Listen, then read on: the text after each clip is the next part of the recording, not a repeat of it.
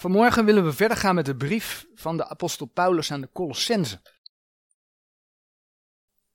En dan gaat het om de laatste verse van Colossense 1, namelijk Colossense 1 vers 24 tot en met 29. In hoofdstuk 1, het gedeelte wat we tot nu toe besproken hebben, hebben we gezien welke zegeningen het woord van God geeft. We hebben gezien welke redenen we als broeders en zusters hebben om voor elkaar te bidden. We hebben gezien welke zegeningen je als kind van God gekregen hebt. We zagen dat de Heer Jezus Christus de eerste is. Hij is de eerste in de schepping. Hij is de eerste in de verzoening. Want de Heer is het die het voor alle mensen mogelijk heeft gemaakt om verzoening met Hem te kunnen ontvangen. Om vrede met de Heere God te kunnen hebben. En als kind van God mag je weten dat je die vrede hebt ontvangen. Uiteindelijk is het verlangen van de Heere dat je door die vrede ook heilig en onberispelijk en onbeschuldiglijk voor Hem gesteld wordt. Bij de rechterstoel van Christus. En dat kan door niet alleen verzoend te zijn, maar ook in die verzoening in die vrede met de Heer God te leven. Door vast en gefundeerd in het geloof te blijven. Je niet te laten afbewegen van de hoop van het evangelie. Want dan ben je als kind van God niet alleen behouden, maar wil de Heer je in zijn toekomst ook nog eens rijkelijk belonen. En de vraag is, geef je de Heer Jezus Christus in jouw leven de plaats die hem toekomt. Geef je hem de eerste plaats. Ook als het misschien eens moeilijk is. Nou, van dat alles, van dat alles was de apostel Paulus een voorbeeld. Voordat we naar die versen in Colossense gaan, lezen we namelijk eerst een vers uit Filippenzen, en dat is Filippenzen 3 vers 17. En in dat vers lezen we hoe de apostel Paulus een voorbeeld was. En niet alleen Paulus, maar ook een ieder die net zo wandelt als Paulus. Kijk maar wat daar geschreven staat. Filippenzen 3 vers 17. Wees mede mijn navolgers, broeders, en merkt op degene die al zo wandelen. Gelijk gij ons tot een voorbeeld hebt. Het mag duidelijk zijn dat de Heer benadrukt dat Paulus' geloofswandel en de geloofswandel van degene die net als Paulus wandelen, ieder kind van God als voorbeeld zijn gegeven. Houd dat in het achterhoofd bij het lezen van Colossense 1. In Colossense 1 vers 23 daar staat geschreven dat Paulus van het evangelie een dienaar geworden was. Paulus was een dienaar geworden van het evangelie en over zijn dienst lezen we dan de versen 24 tot en met 29. Die mij nu verblijdt in mijn lijden voor u. En vervul in mijn vlees de overblijfselen van de verdrukkingen van Christus voor zijn lichaam, het welk is de gemeente. Welker dienaar ik geworden ben naar de bedeling Gods, die mij gegeven is aan u om te vervullen het woord Gods. Namelijk de verborgenheid die verborgen is geweest van alle eeuwen en van alle geslachten, maar nu geopenbaard is aan zijn heiligen.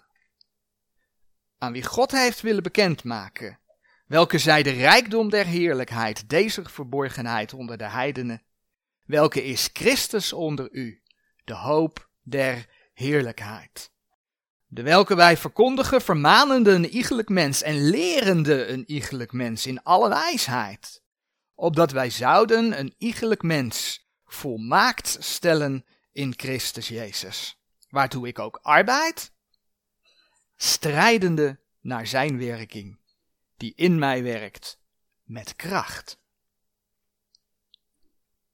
Paulus had een hele specifieke boodschap. Namelijk Gods woorden voor de gemeente. In het Oude Testament handelde de Heer met name door het Joodse volk. De wet werd aan Israël gegeven. Toen Heer Jezus op aarde kwam, was zijn boodschap, en dat van de discipelen overigens ook, in de eerste plaats nog steeds voor dat volk Israël. Als je daar een tekst van op wilt zoeken, kun je dat vinden in Matthäus 15, vers 24. Daar staat het ook gewoon heel duidelijk. Dat Heer Jezus zelf zegt dat hij voor de verloren schapen van het huis Israëls kwam. Maar Paulus kreeg de specifieke opdracht om naar de heidenen te gaan. Laten we ondertussen naar Handelingen 9 bladeren. Handelingen 9. Paulus kreeg de specifieke opdracht om naar de heidenen te gaan. Toen hij tot bekering kwam, toen werd er ja, over hem geprofiteerd. En dat lezen we in Handelingen 9, vers 15 en 16. Handelingen 9, vers 15. Maar de Heere zeide tot hem, en dat is in dit geval niet Paulus, maar Ananias, die naar Paulus toe moest gaan. Maar de Heere zeide tot hem, ga heen, want deze, en dat is dan wel Paulus, deze is mij een uitverkoren vat, om mijn naam te dragen voor de heidenen en de koningen en de kinderen Israëls. Het bijzondere is hier dat de heidenen als eerste genoemd worden. Want ik zal hem tonen hoeveel hij lijden moet om mijn naam. Nou, in het Bijbelboek Handelingen, als je dat gaat lezen, zie je de omwending komen. Dat Paulus inderdaad eerst nog naar de Joden ging. Maar omdat de Joden het evangelie bleven verwerpen, zei Paulus op een gegeven moment, en dat vind je in Handelingen 13, vers 46, zie, wij keren ons tot de heidenen. Nou, dat Paulus naar de heidenen gezonden was, dat blijkt ook uit het gedeelte dat we vanmorgen gelezen hebben, hè, Colossense 1. De versen in Colossense 1. Want in Colossense 1, vers 27 hebben we over de gelovigen gelezen. Colossense 1, vers 27 hebben we over de gelovigen gelezen.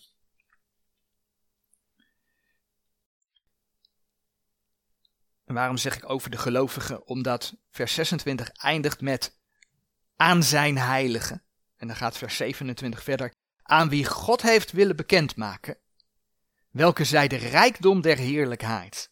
Deze verborgenheid onder de heidenen. Onder de heidenen. Welke is Christus onder u? De hoop der heerlijkheid. Op de inhoud van dit vers zullen we straks nog verder terugkomen. Maar we zien hier dat de Heer God zijn rijkdom onder de heidenen heeft willen bekendmaken. En daar heeft hij dus, hè, de context van dat vers, de dienst van Paulus voor willen gebruiken. Die boodschap van Paulus, dat evangelie der genade Gods, zoals dat ook letterlijk genoemd wordt in bijvoorbeeld Handelingen 20, vers 24. Dat was niet dezelfde boodschap als het evangelie dat de Heer Jezus en de andere discipelen op aarde verkondigden. In die boodschap van Paulus zaten nieuwe elementen in die specifiek voor de gemeente waren. En ik zeg waren, maar de gemeente is er nog, die specifiek voor de gemeente zijn. En het mooie is dat je in Galaten dan ook leest, en daarvoor bladeren we naar Galaten 1, dat Paulus zijn evangelie niet van mensen ontvangen heeft, ook niet van de andere apostelen dus, maar regelrecht van de Here. Hij heeft het regelrecht door de Heer Jezus geopenbaard gekregen. En dan lees je in Gelaten 1, vers 11 en 12 het volgende. Maar ik maak u bekend, broeders. Gelaten 1, vers 11 en 12. Maar ik maak u bekend, broeders, dat het evangelie, het welk van mij verkondigd is, niet is naar de mens. Want ik heb ook hetzelfde niet van de mens ontvangen, noch geleerd, maar door de openbaring van Jezus Christus. Weet je, als je dit leest, dan weet je dat de brieven van Paulus net zoveel Gods woorden zijn als alle andere Bijbelboeken. En waarom zeg ik dat? Omdat er mensen zijn die nog wel eens kleinerend of verachtelijk doen over die brieven van Paulus. Het zou Paulus maar zijn. En er zijn allerlei vooroordelen in allerlei kringen over de apostel Paulus. Maar die brieven van Paulus, die vormen de regelrechte boodschap van de Heer Jezus aan zijn gemeente. Nou, dat is dus echt wel belangrijk om te zien, want als kinderen van God vandaag de dag ook zijn wij die gemeente. Behoren wij tot die gemeente. Nou, Paulus, dat lees je in 1 Korinthe 3, vers 10 en 11, mocht het fundament voor de gemeente leggen. Hij mocht het fundament leggen. Moet je even voorstellen, hè? De Heer Jezus Christus is het fundament. Maar Paulus mocht dat fundament voor de gemeente leggen. Kun je nagaan, een belangrijke taak hij had. Dus er zitten nieuwe elementen in, in dat evangelie der genade gods, die bijvoorbeeld in het Oude Testament onder de Joden. Maar ook toen de Heer Jezus op aarde was, onder de Joden of onder wie dan ook, niet bekend waren. Weet je, dat komt heel mooi naar voren in het gedeelte wat we gelezen hebben in de versen 25 en 26 van Colossense 1. Colossense 1, vers 25 en 26. Waar Paulus zegt: Welker dienaar ik geworden ben, naar de bedeling Gods, die mij gegeven is aan u, om te vervullen het woord Gods, namelijk de verborgenheid die verborgen is geweest van alle eeuwen en van alle geslachten, maar nu geopenbaard is aan zijn heiligen. Er waren blijkbaar zaken die voorheen niet geopenbaard waren. Die waren dus verborgen. Maar door de apostel Paulus zijn ze aan de gemeente geopenbaard. Dan bladeren we naar 1 Korinthe 4. En dan gaan we daar de eerste twee versen van lezen. En die versen gaan ook over die verborgenheden. 1 Korinthe 4, vers 1 en 2. Alzo houden ons en ieder mens als dienaars van Christus en uitdelers der verborgenheden Gods.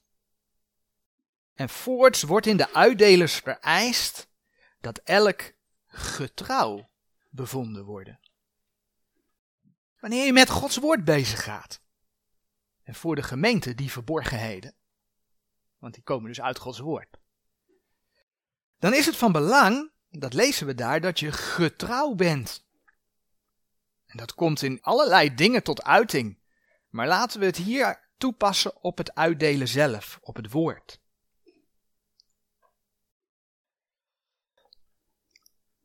Als je met dat woord bezig gaat, dan is het de bedoeling dat je die woorden tot je neemt en dat je die woorden bewaart. Dat je die woorden niet aanpast. Dat je niet jouw leer gaat leren. Maar dat je Gods woorden, dat je zijn leer gaat leren. Leer, zeggen mensen dan al gauw, dat is toch interpretatie? Ja, als je niet oppast, wordt het interpretatie, want dan ga je er zelf wat van maken.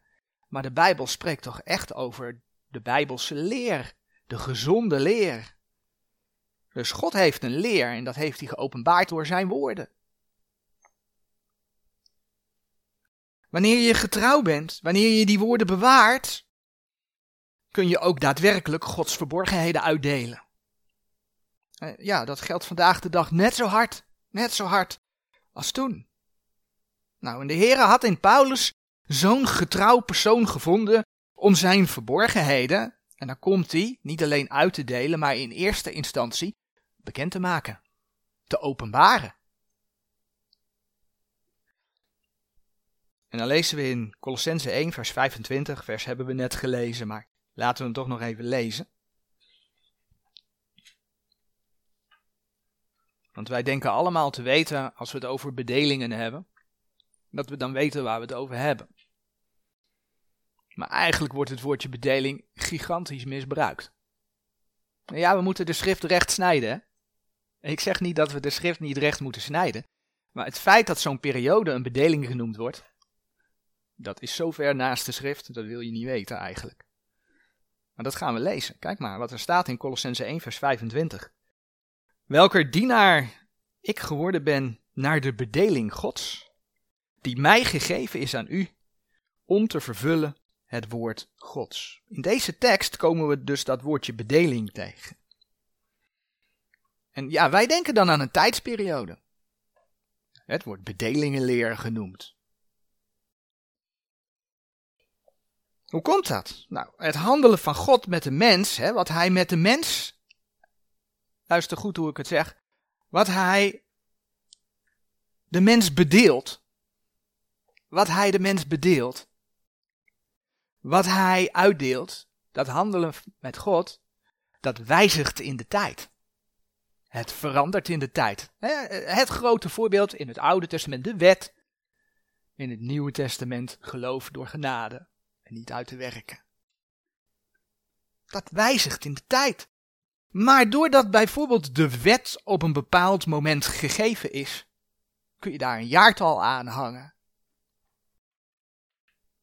En dus zijn we gaan spreken over de periode van de wet. En omdat God in die tijd zo bedeelt, de wet bedeelt, zijn we het de bedeling van de wet gaan noemen en eigenlijk gelijkertijd ook over een tijdsperiode gaan spreken. En praktisch gezien maak ik me daar ook schuldig aan. Omdat iedereen dat eigenlijk doet. We zijn het zo gewend. Doordat de gemeente op een bepaald moment ontstaan is, spreken we over de periode van de gemeente. Maar je snapt het al.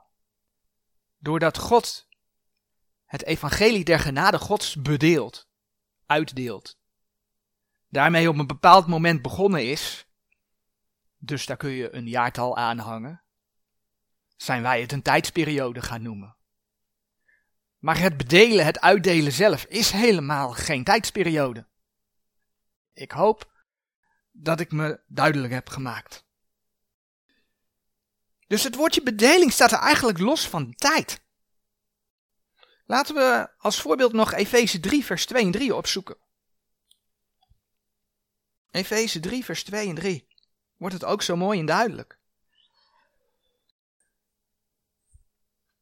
Indien gij maar gehoord hebt van de bedeling der genade Gods, die mij gegeven is aan u, dat hij mij door openbaring heeft bekendgemaakt, heb je het weer hè, door openbaring bekendgemaakt, deze verborgenheid, gelijk ik met weinige woorden tevoren geschreven heb. Weet je, als je dat hier leest, indien gij maar gehoord hebt van de bedeling der genade gods, hè, dan denken wij aan de gemeentetijd. Mhm. Maar Paulus is niet de gemeentetijd gegeven. Want als met Paulus de gemeente begonnen is, dan is met Paulus de gemeente ook afgelopen. Want de Heer had het hem gegeven. Wat lezen we in dat vers? We lezen dat Paulus genade bedeeld is. De genade van God is hem bedeeld. Dat hem gegeven was voor de gemeente. Dus God gaf Paulus genade voor de gemeente. En dat hield in dat de Heer hem verborgenheden bekend heeft gemaakt. Dingen die tot dan verborgen waren, heeft hij aan Paulus geopenbaard. En Paulus was getrouw en die mocht dat uitdelen.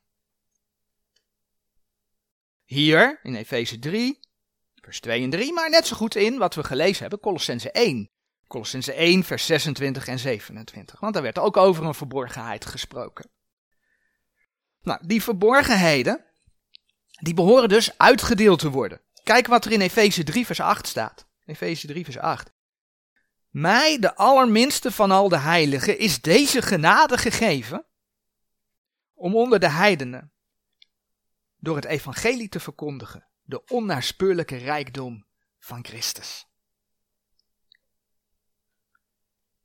Zoals Paulus niet de gemeentetijd gegeven was, zo is de gemeente dus ook niet pas bij Paulus of Paulus' openbaring begonnen.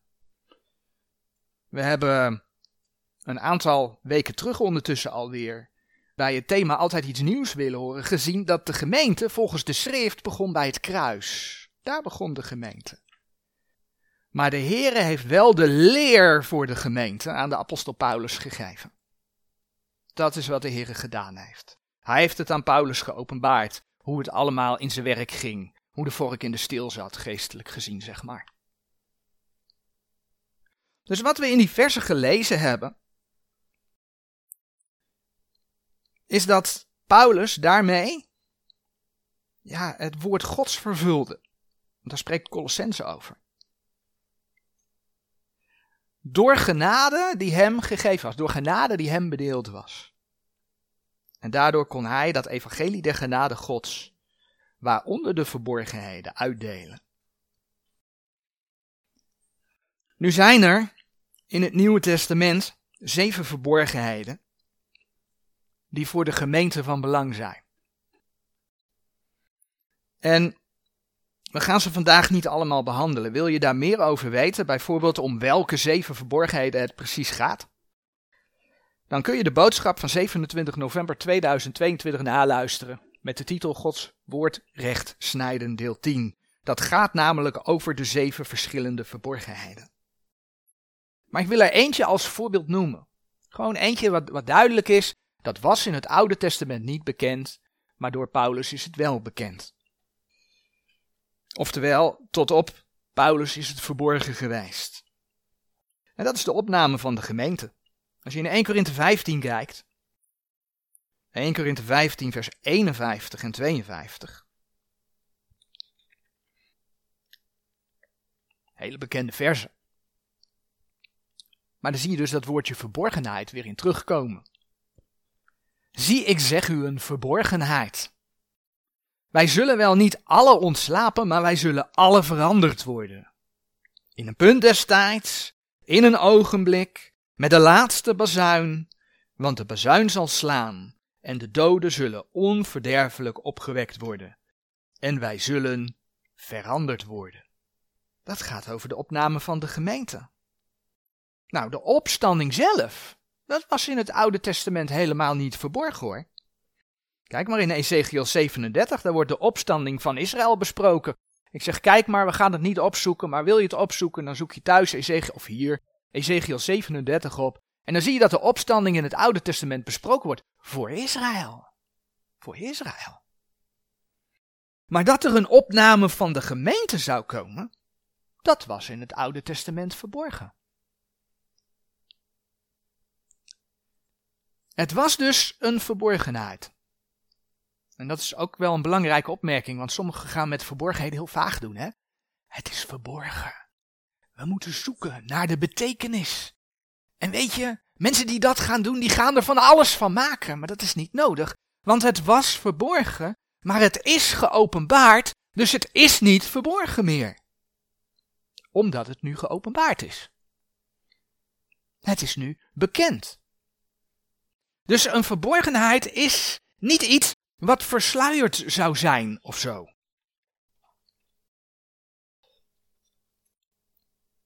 We kunnen het dus ook niet als argument gebruiken om er maar van alles van te maken. En dus allerlei eigen interpretatie toe te laten. Een verborgenheid was voor de gemeente, zelfs voordat het dus aan Paulus geopenbaard werd, onbekend. Maar is vanaf het moment dat het geopenbaard is aan de apostel Paulus en hij ging dat uitdelen, is het bekend. Als kind van God kun je dat aannemen. Laat ik iets eerder beginnen, want het geloof is uit het gehoor. Kun je daarnaar horen? Kun je dat aannemen? Kun je dat begrijpen, want de schrift legt het uit? En kun je dat uitdelen? Nou, een van die andere verborgenheden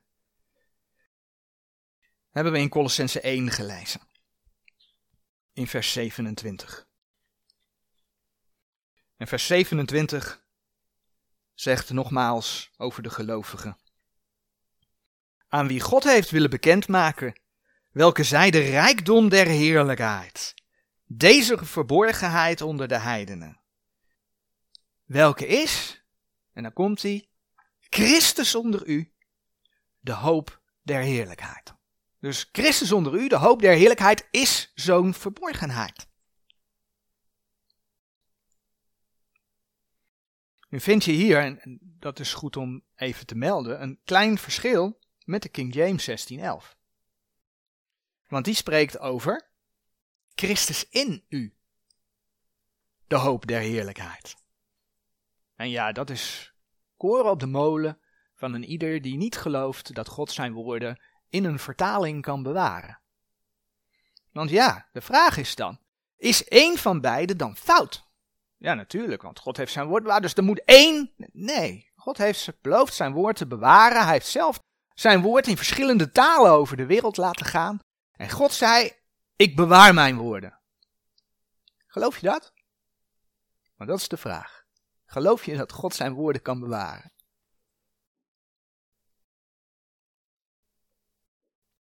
Dus, nee, niet één van beide is fout.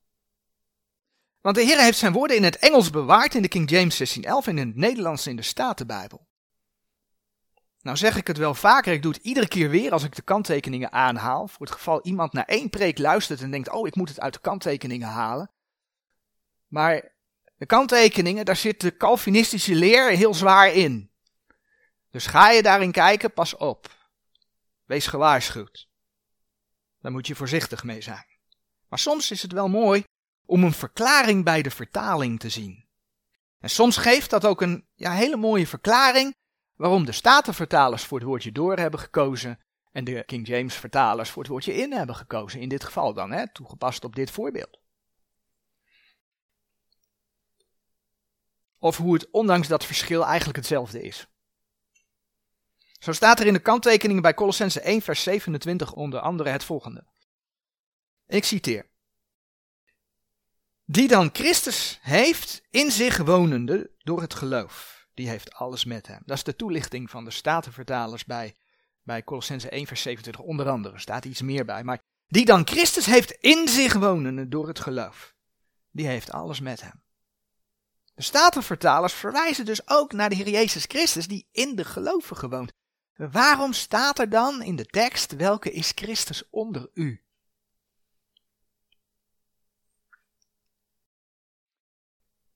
Eén ding is zeker. De Heer Jezus is op dit moment in deze gemeentetijd niet onder ons zoals hij onder de discipelen was toen hij op aarde was. Lichamelijk aanwezig. Hij is naar de Vader in de hemel gegaan. En verblijft daar totdat hij de gemeente in de lucht tegemoet komt om haar te halen.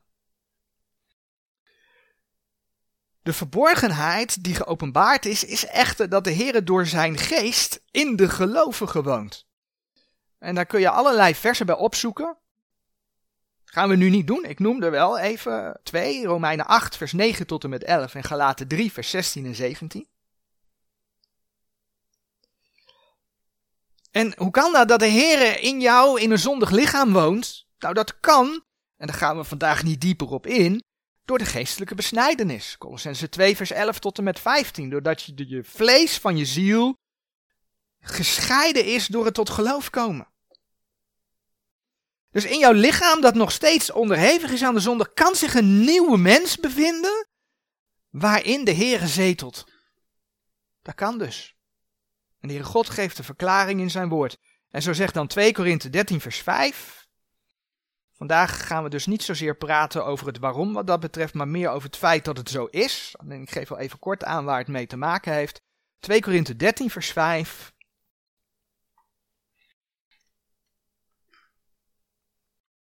Onderzoekt uzelf of gij in het geloof zijt. Beproeft uzelf.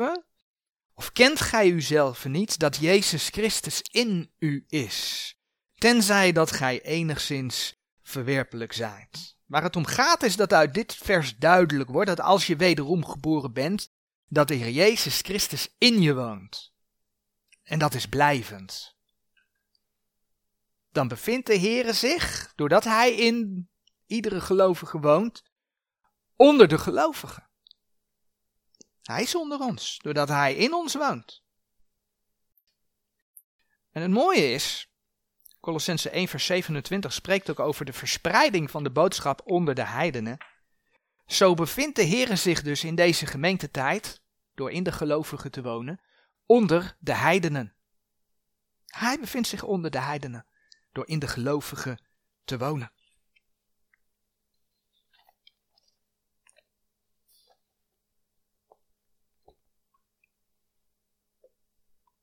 In het Oude Testament lees je dat Gods geest ook in de mensen kwam. Klopt. Maar heel vaak was dat tijdelijk. Je leest in het Oude Testament ook dat de Heilige Geest weer wegging. Voorbeelden van versen, en er zijn er veel meer, maar Exodus 31, vers 3, Psalm 51, vers 13. Maar als je in deze gemeentetijd tot bekering komt, door de Heer Jezus als je persoonlijke verlosser aan te nemen, dan word je door de Heilige Geest verzegeld. Tot de dag der verlossing. Efeze 4, vers 30 zegt dat. Dus het mooie van de verborgenheid dat God inwoning in de gelovigen maakt, is dan ook volgens Efeze 1, vers 13 en 14 de verzekering van je behoud. Doordat de Heer in je woont, ben je verzekerd van je behoud. Dus de Heer woont in je als gelovige. En hoe wordt je lichaam dan genoemd? Een tempel Gods. 1 Korinthe 3 vers 16. Laten we het opzoeken. 1 Korinthe 3 vers 16.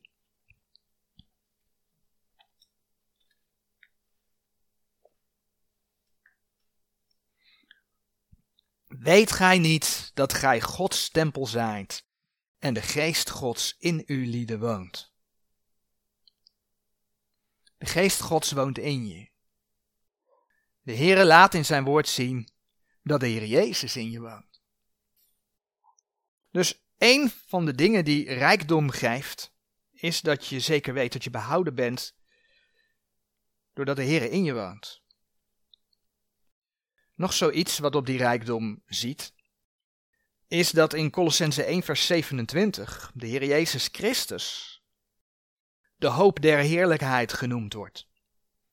aan wie God heeft willen bekendmaken welke zij de rijkdom der heerlijkheid, deze verborgenheid onder de heidenen, welke is Christus onder u, de hoop der heerlijkheid.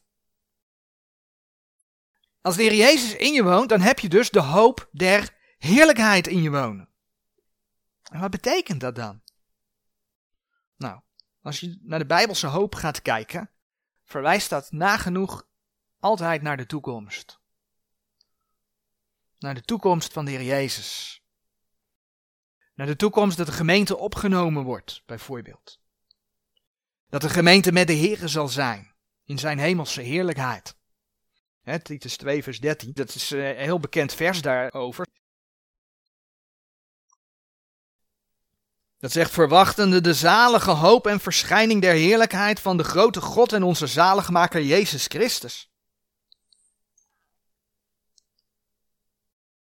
Wat betekent dat?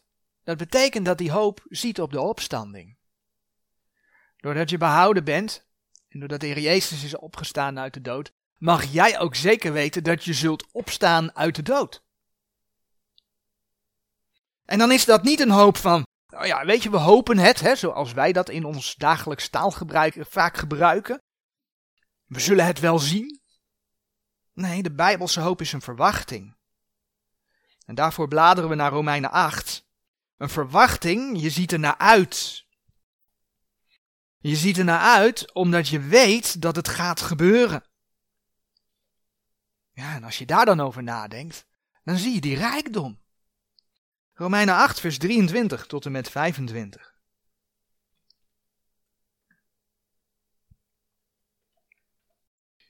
En niet alleen dit, maar ook wij zelf, die de eerstelingen des geestes hebben, wij ook zelf, zegt ik, zuchten in onszelf, verwachtende de aanneming tot kinderen, namelijk de verlossing onzes lichaams.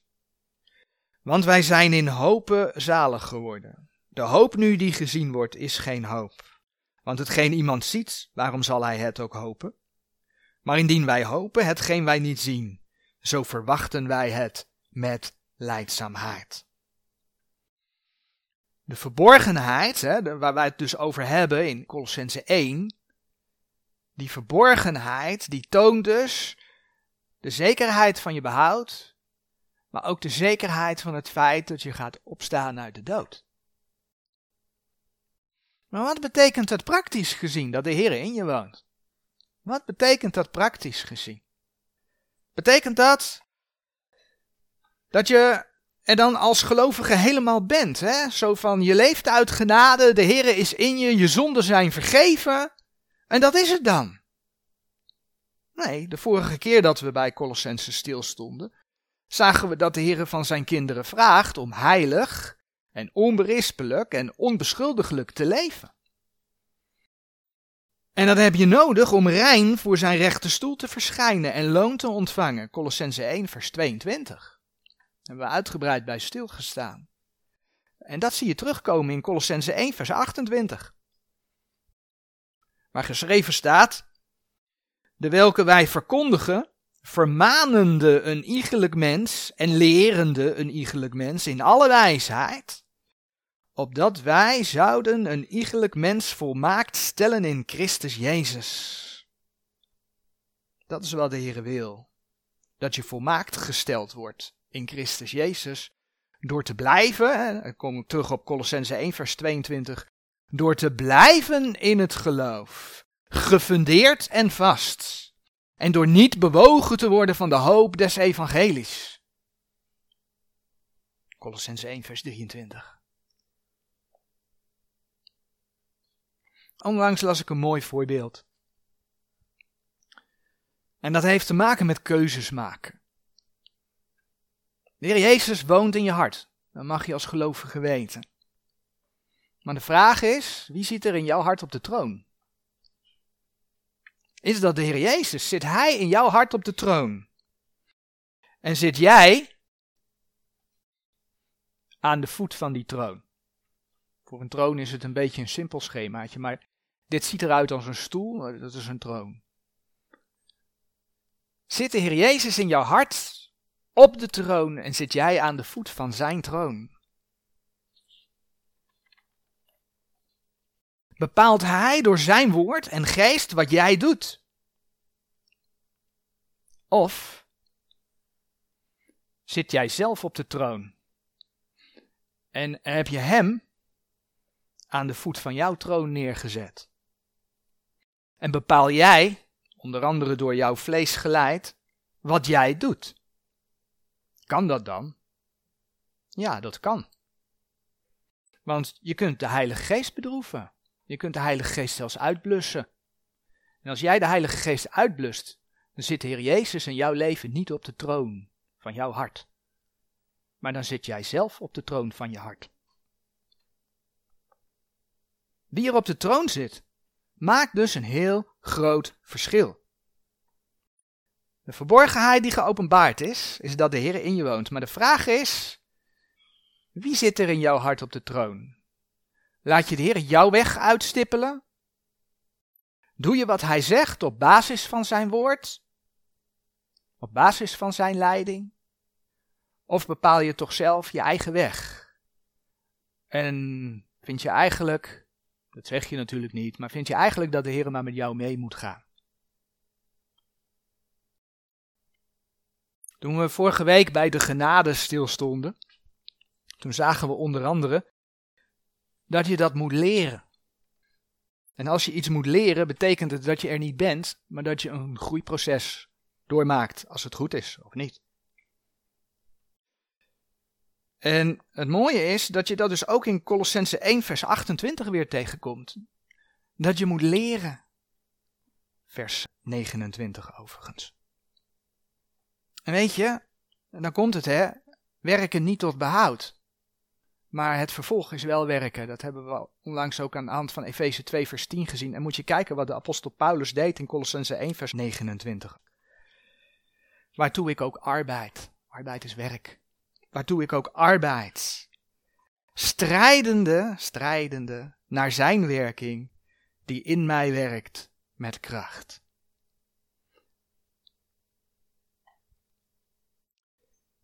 Paulus arbeidde daarvoor. Enerzijds zodat mensen de Heer Jezus leren kennen als hun persoonlijke verlosser. Anderzijds zodat die gelovigen volmaakt gesteld worden in Christus Jezus. Ja, en dat is waarom prediking nodig is. Dat is waarom prediking nodig is, lees je ook in de brieven. Juist ook om de kinderen van God. En dat is waarom het nodig is om het voorbeeld van Paulus te volgen. Te horen het aan te nemen, het te bewaren en het uit te delen. Maar ja, dat alles kostte wel strijd. Dat alles kostte Paulus strijd. De Heer Jezus, de Heer Jezus moest lijden om de verlossing en verzoening voor ons mensen teweeg te brengen. En dat zien we terug in het leven van de apostel Paulus. Weliswaar was Paulus niet de Heer Jezus zelf. Weliswaar leed Paulus niet plaatsvervangend om onze zonde, voor onze zonde te sterven en op te staan. Maar Paulus leed wel. En hij leed voor de gemeente. Hij leed zodat de gemeente het woord van God specifiek voor de gemeente zou ontvangen. Hij leed zodat de verborgenheden voor de gemeente geopenbaard zouden worden. Zodat duidelijk zou worden, zou worden Colossense 1 vers 27, welke rijkdom je hebt als lid van de gemeente. In Colossense 1 vers 24, daar staat geschreven, dat Paulus zegt, die mij nu verblijdt in mijn lijden voor u, en vervul in mijn vlees de overblijfselen van de verdrukkingen van Christus voor zijn lichaam, het welk is de gemeente. Paulus leed dus voor de gemeente. Als hij niet geleden had, als hij er de brui aan gegeven had, als hij de wereld ingegaan was, dan had de gemeente de verborgenheden niet geweten. En dat is waarom de Heer een getrouw persoon zocht. En dat is waarom de Heere die genade aan Paulus toebedeelde. En hoe leed Paulus? We gaan geen complete lijst van Paulus lijden opsommen, maar laten we enkele dingen bekijken. Het begon gewoon heel dicht bij zichzelf.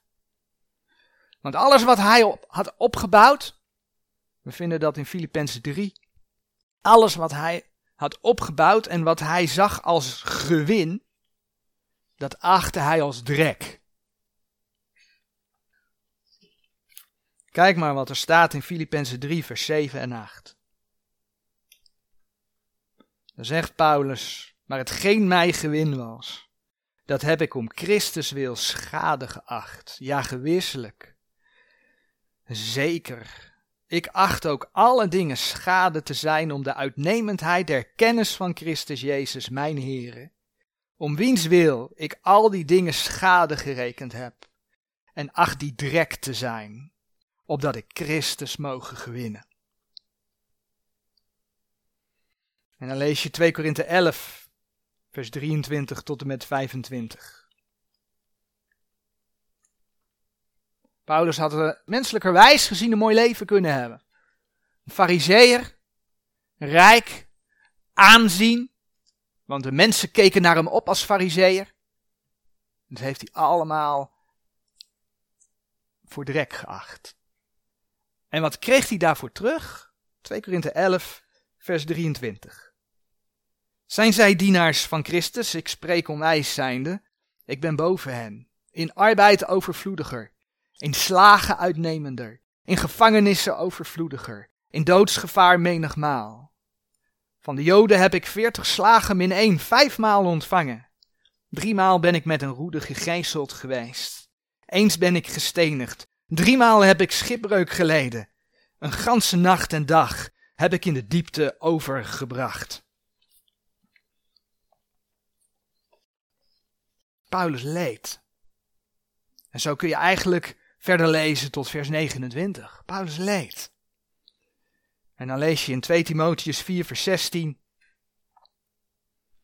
dat hij op een gegeven moment alleen leed. 2 Timotheus 4, vers 16.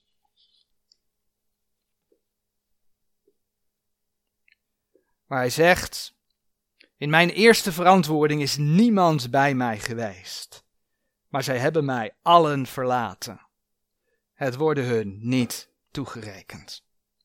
Ook dat heeft hij meegemaakt. Weet je, Paulus leed daadwerkelijk om het evangelie der genade Gods te kunnen verkondigen.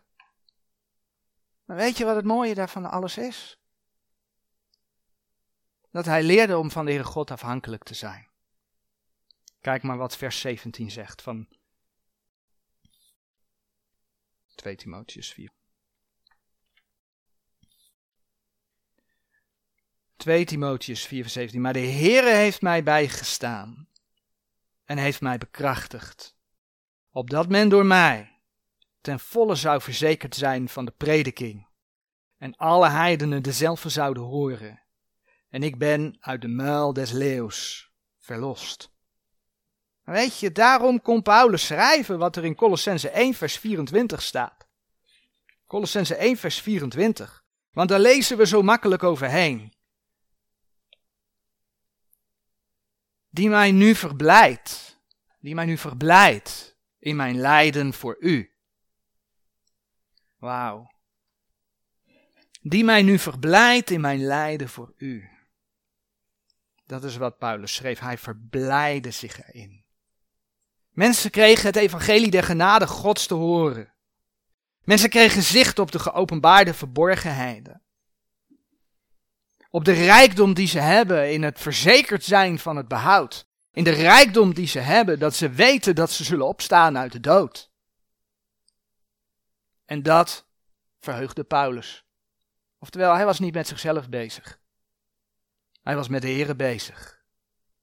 En hij was eigenlijk voor die ander bezig. Om die rijkdom uit te delen. En dat verheugde hem. En daarom was hij een getrouw uitdeler. Ondanks lijden. Ondanks dat zelfs iedereen op een bepaald moment hem verliet.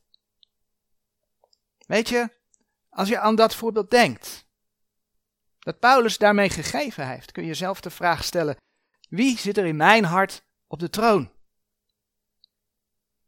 Bepaal ik zelf de weg die ik ga? Of laat ik de Heer mijn weg bepalen? Ben ik trouw? Heb ik ondanks dat ik misschien wel moeilijkheden tegenkom, het ervoor over om helemaal aan de Heer te geven?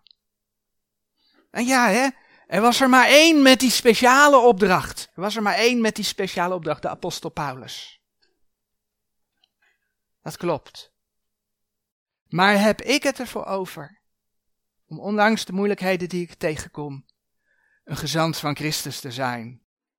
Omdat ik weet dat de Heere mij dan kracht zal geven en omdat de Heere dan voor mij zorgt. Amen.